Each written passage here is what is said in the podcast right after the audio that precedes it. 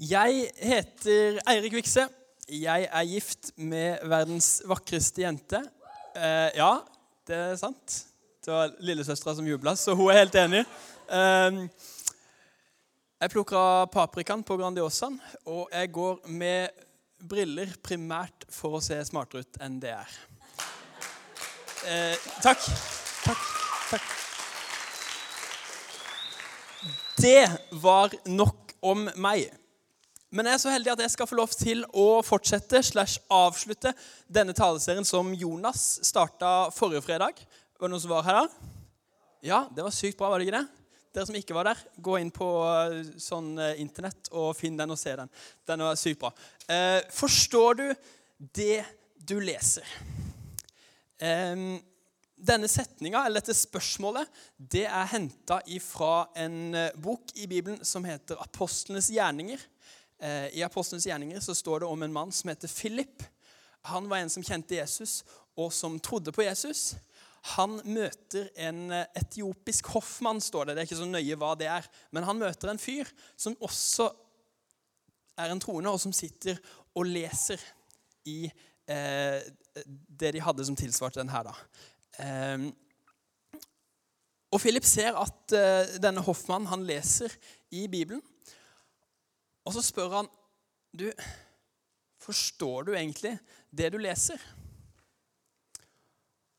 Og så er det litt interessant, for, eh, for denne Hoffmann han svarer at hvordan skal jeg kunne forstå når ingen forklarer meg? Hvordan skal jeg kunne forstå det som står her, når det er ingen som forklarer meg? Og jeg vet ikke med deg, men Sånn har jeg i hvert fall hatt det mange ganger. Hvis du har, i det hele tatt har åpna den boka her, så kan det hende at du har følt på det samme. At ah, Hva er det egentlig som står her? Jeg forstår ikke det jeg leser, og jeg trenger faktisk noen som forklarer meg. Det tror jeg det er mange som kjenner på. Og det kan være en, kan være en grunn til å, til å, ikke begynne å lese i det hele tatt, men det er så dumt hvis det skal stoppe oss fra å ikke lese i Bibelen. Så derfor bestemte vi oss her for at vet du hva? vi prøver å forklare litt. vi. Og da starter vi, Er det greit om vi starter med en liten sånn bibelskole her? Med litt sånn fakta om denne boka her. Er vi klare for det? Ja, nydelig. Denne ene boka her dere ser at det er en bok til Bibelen, den består av 66 forskjellige bøker. Hæ? Er det mulig? Ja, det er det faktisk. Det er en samling av ulike tekster fra ulike tider, og ikke minst ulike sjangre. Det vil si at noen av disse bøkene som er inni her, det er historiske bøker. Det er bøker som er godt dokumentert eh, at det som har skjedd, eller det som står her, det har skjedd på ekte. Andre bøker er poetiske bøker. Dikt, sanger, salmer.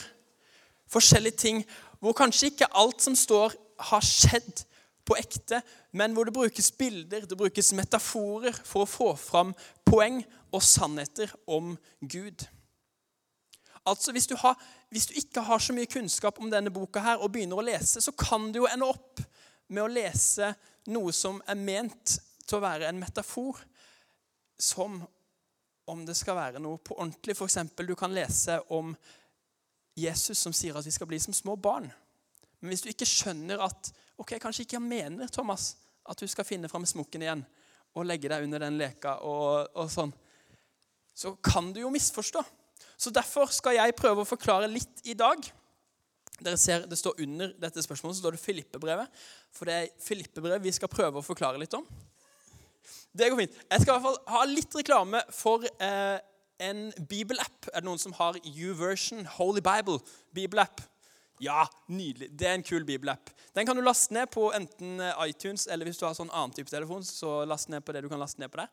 Og så er det sånn Vi har våre egne leseplaner der. Det betyr ikke at alt det andre er dårlig, eh, men våre leseplaner er bare litt bedre. Eh, så hvis du søker på Nei, det er ikke sant, men litt sant. Hvis du søker på Nå forsvant jo hele, men det går fint. Hvis du søker på 'Forstår du det du leser?' på U-version, så får du opp en leseplan.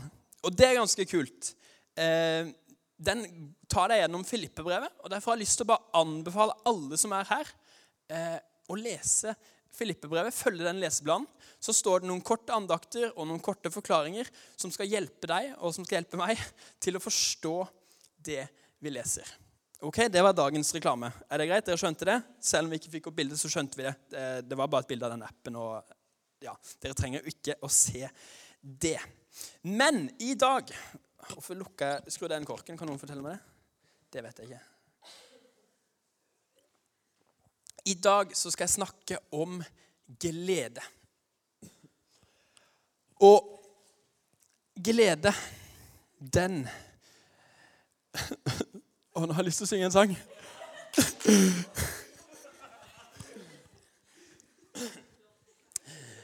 Glede, glede, glede strømmer innifra. Glede, glede, glede strømmer innifra. Glede, glede, glede strømmer innenfra. Glede, glede, glede strømmer innenifra. Tusen takk! Tusen takk!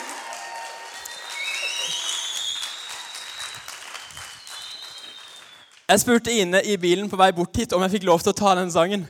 Hun sa nei. Um, så jeg tror vi ber litt. Kjære Jesus. Um, jeg bare ber om at du skal velsigne Ine eh, og bare fylle henne med den tålmodigheten og overbærenheten hun må ha for å være gift med meg.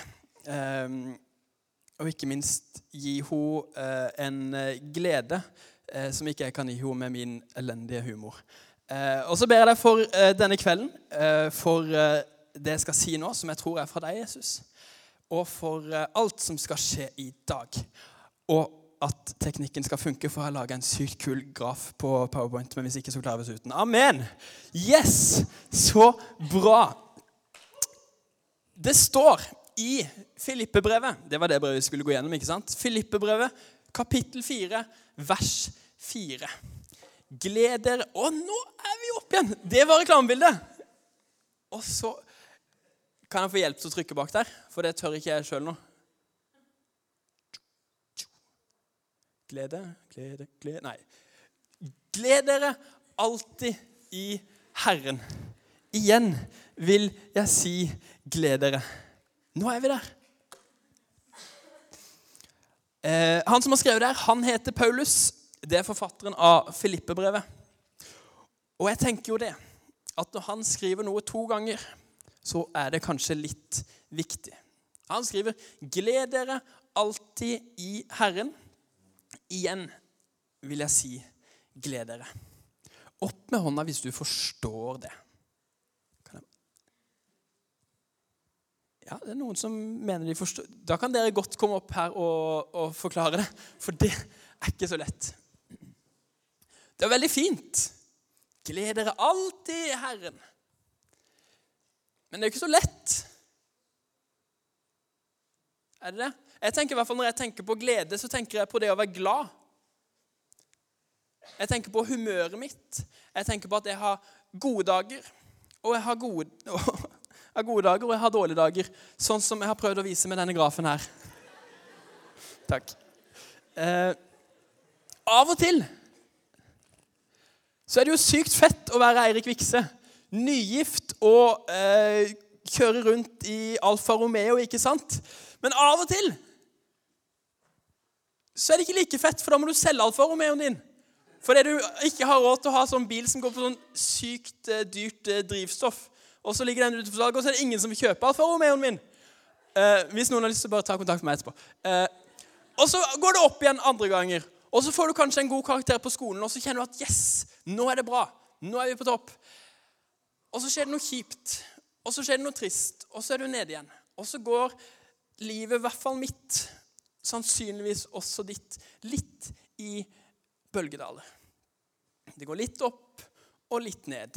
Dessverre så er det ikke at vi som tror på Jesus, har det så veldig annerledes enn eh, andre på akkurat det området. Selv om Paulus skriver 'gled dere alltid i Herren'. Igjen vil jeg si 'gled dere'. Ja, men Paulus, ja, men Jesus, jeg klarer jo ikke å være glad alltid. For det av og til så skjer det kjipe ting. Kanskje noen blir syke. Kanskje du går på en smell. Kanskje du gjør ting som du egentlig ikke hadde tenkt eller hadde lyst til å gjøre. Og så er det ikke alltid like lett å være glad. Men jeg tror at gleden i Herren ikke handler om humør. Men jeg tror det handler om hva Gud har gjort for oss, og hva Gud tilbyr oss. For jeg tror at vi kan få lov til å ha gode dager, og vi kan få lov til å ha dårlige dager. Og så kan vi få lov til å legge gleden i Herren som en konstant linje over alt det. At uansett åssen humøret mitt er, uansett åssen dagsformen min er, uansett hvilket bein jeg har stått opp med i dag, så kan jeg få lov til å kjenne på det at vet du hva? Jeg har gleden min i Herren. Og det betyr ikke at jeg alltid er glad, men det betyr at jeg kan ha gleden min i Herren.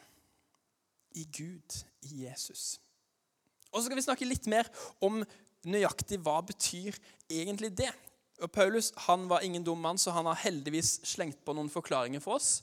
Ehm, for hva betyr det egentlig å ha gleden sin i Herren, og hva, hva har det å si for oss?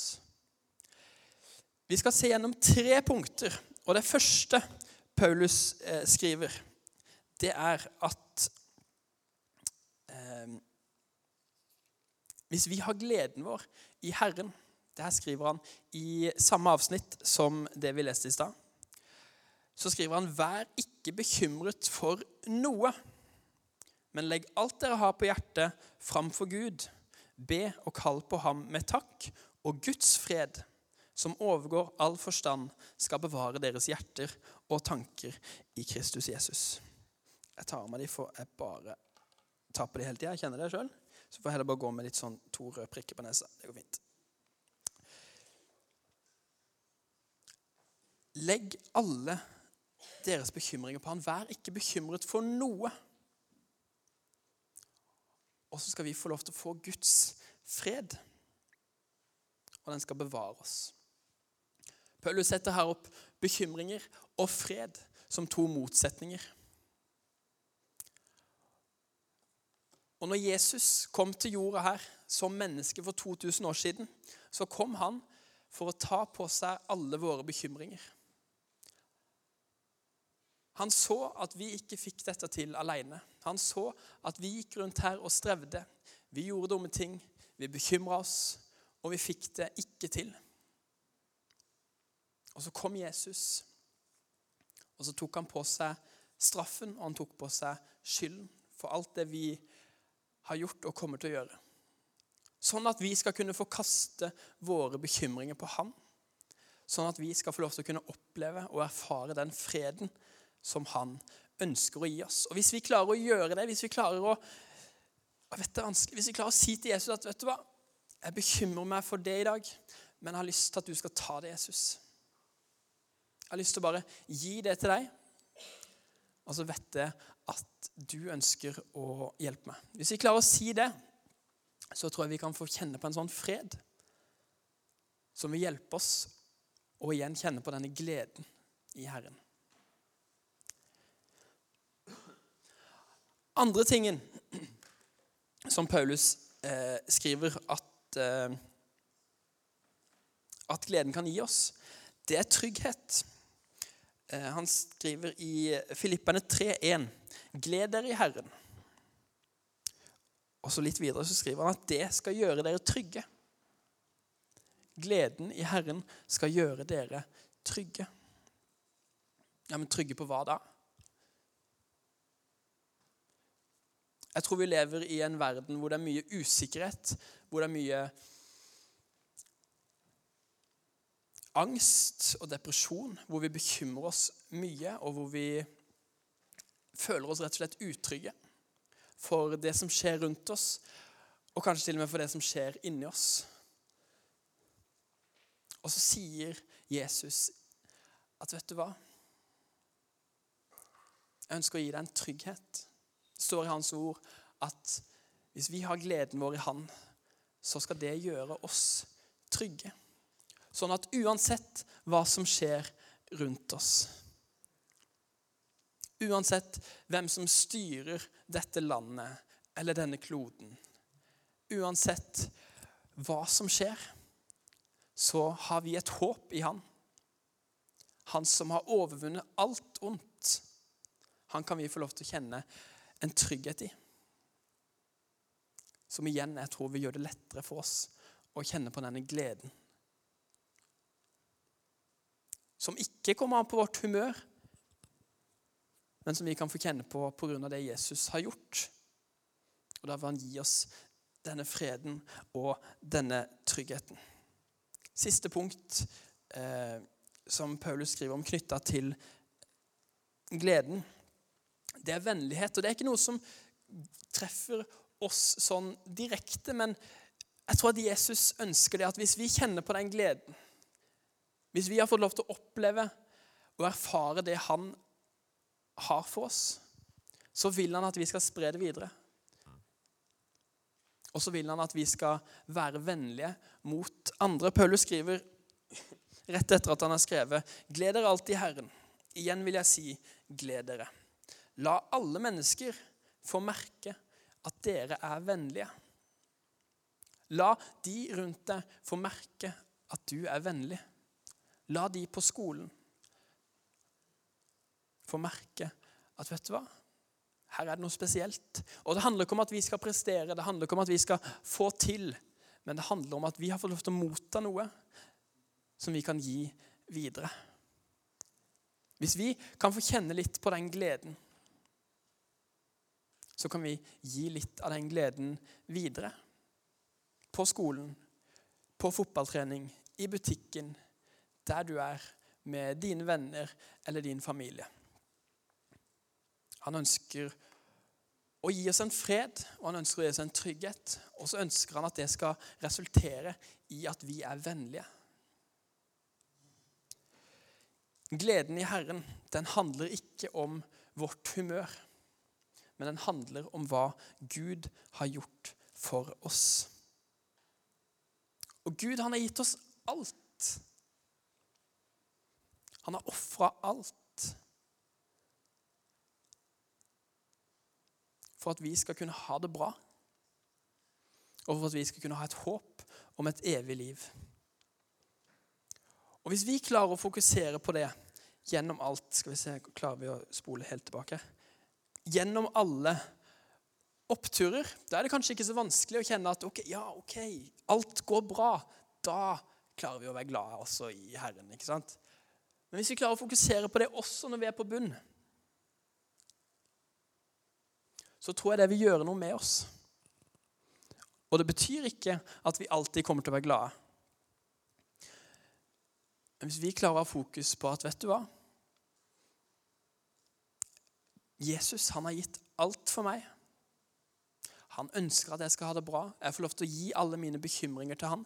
Jeg får lov til å ha en trygghet og et håp om et evig liv. Hvis vi klarer å fokusere på det også når vi har det vanskelig, så tror jeg vi har skjønt, så tror jeg vi har forstått noe av det vi har lest. Skal vi prøve på det? Ja. Kjære Jesus. Takk for alt som du har gjort for oss.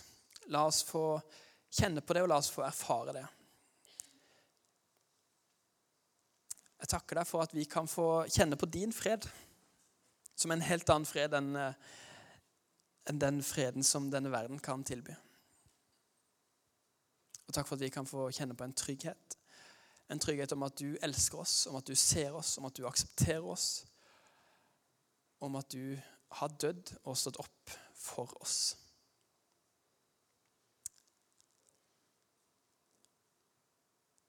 Amen.